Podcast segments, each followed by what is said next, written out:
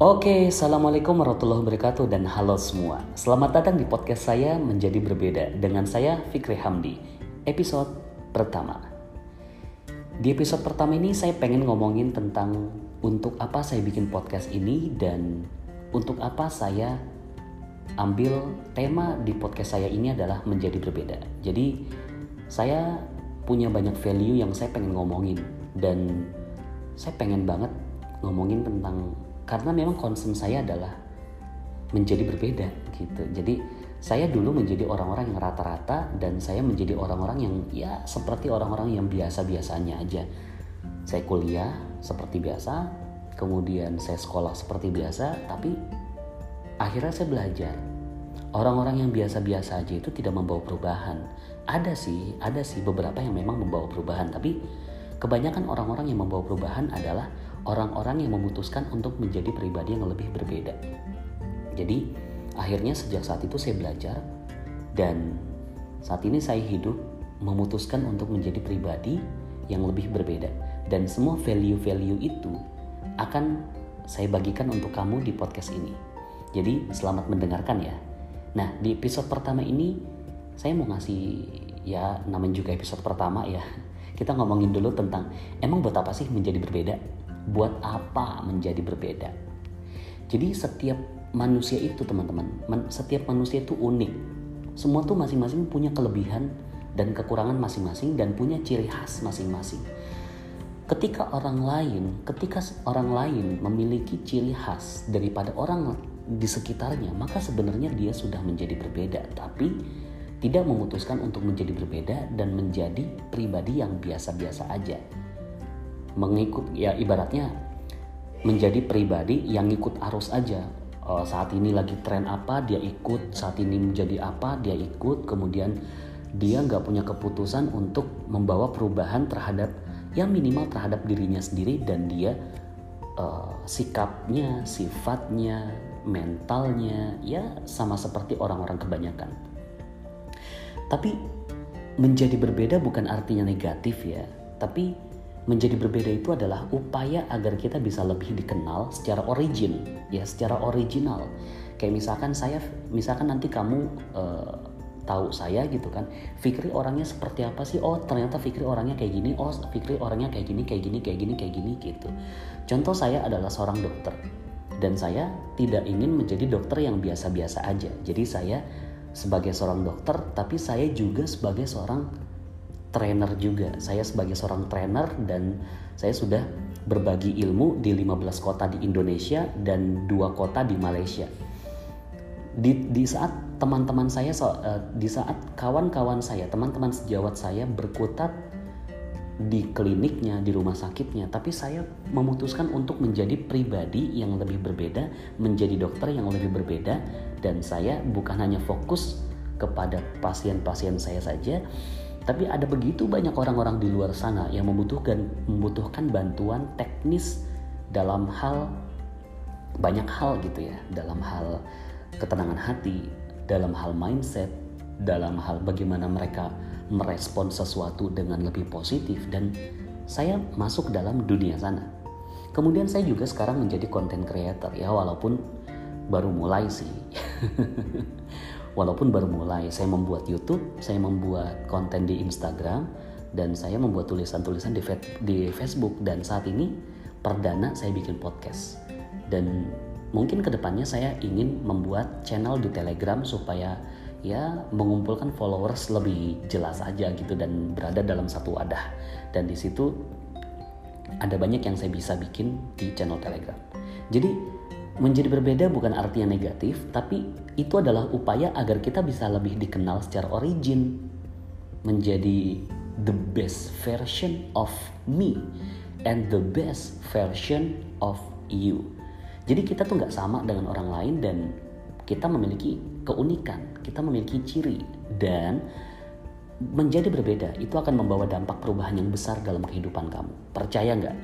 Ya percaya nggak menjadi berbeda akan membawa dampak perubahan yang besar dalam kehidupan? Contoh deh ya Steve Jobs. Tahu kan Steve Jobs ya? Kalau misalkan sekarang kamu punya Apple ya kamu punya produk-produk Apple uh, like iPhone, MacBook, Apple Watch, kemudian AirPods, kemudian iPad dan lain-lain itu semua dikeluarkan oleh Steve Jobs. Dan dulu tahun 2007, mungkin kamu tahun 2007 masih pakai HP batangan ya. Saya juga dulu masih pakai HP batangan yang Nokia yang keypadnya itu 1 2 3 4 5 6 7 8 9 10 bintang pagar gitu.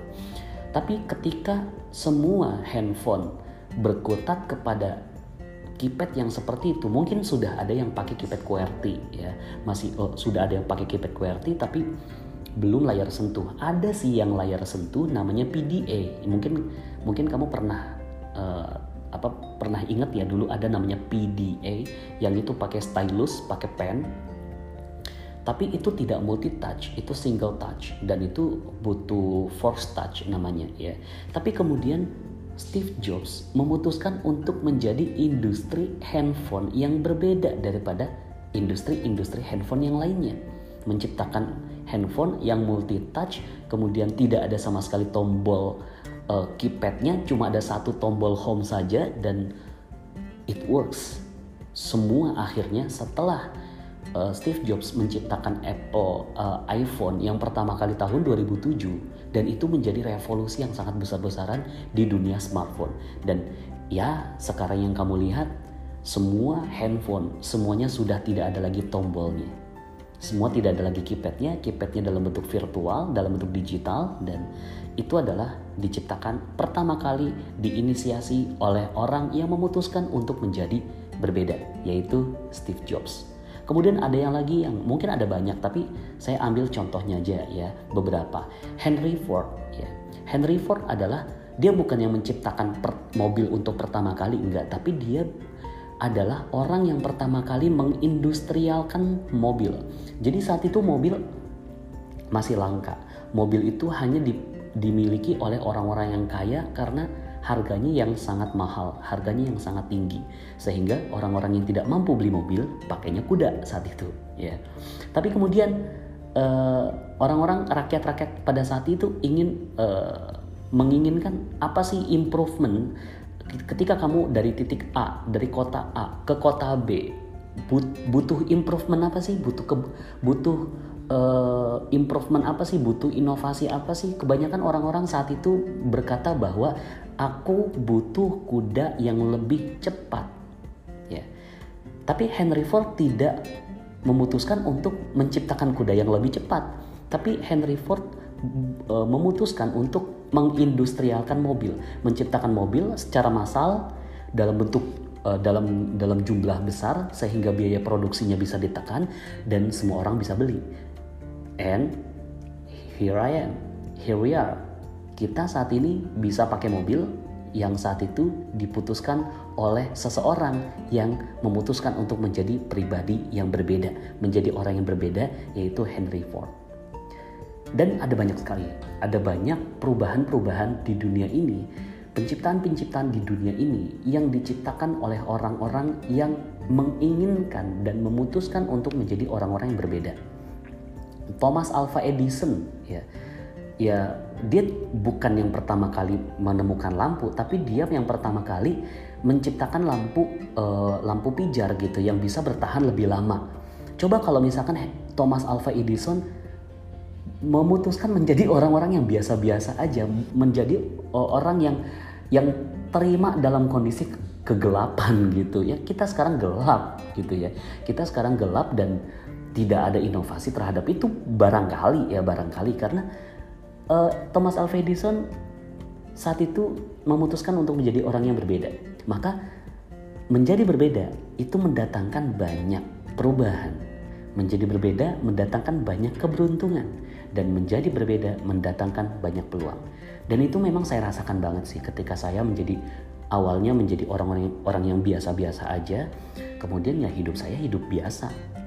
Ya hidup bagaimana layaknya orang-orang eh, kebanyakan gitu. Tapi ketika saya berusaha untuk menjadi pribadi yang berbeda, mindset saya berbeda daripada yang lain, sikap saya berbeda daripada yang lain, mental saya berbeda daripada yang lain. Oh, ternyata banyak sekali peluang dan keberuntungan yang datang kepada saya. So, di episode pertama ini sih saya cuma pengen ngasih tahu tentang itu, ya ngasih tahu tentang gambaran kepada kamu tentang emang buat apa sih menjadi berbeda dan ternyata banyak loh perubahan-perubahan yang bisa kamu dapatkan ketika kamu memutuskan untuk menjadi pribadi yang berbeda. Pribadi yang berbeda ya mungkin nanti akan kita akan bahas di episode-episode selanjutnya. Di episode 2 nanti kita akan mulai ngebahas tentang gimana sih caranya supaya kamu menjadi orang berbeda dari satu hal, dari satu aspek. Jadi satu episode, satu aspek, satu episode, satu aspek dan nanti harapan saya adalah setiap kamu mendengarkan selesai mendengarkan satu episode, maka kamu satu langkah lebih maju, lebih berbeda daripada orang-orang di sekitar kamu dan kamu bisa me menerapkan, mengaplikasikan eh, tips-tips uh, yang barusan saja saya bagikan untuk kamu ya. Jadi uh, selamat belajar uh, nggak selamat belajar juga ya di sini sebenarnya kita sama-sama belajar aja sih selamat menikmati podcast saya selamat menikmati podcast saya dan Selamat menemukan the best version of you. Let's enjoy my podcast. Untuk episode pertama sekian dan kita sambung di episode kedua. Saya undur diri. Assalamualaikum warahmatullahi wabarakatuh.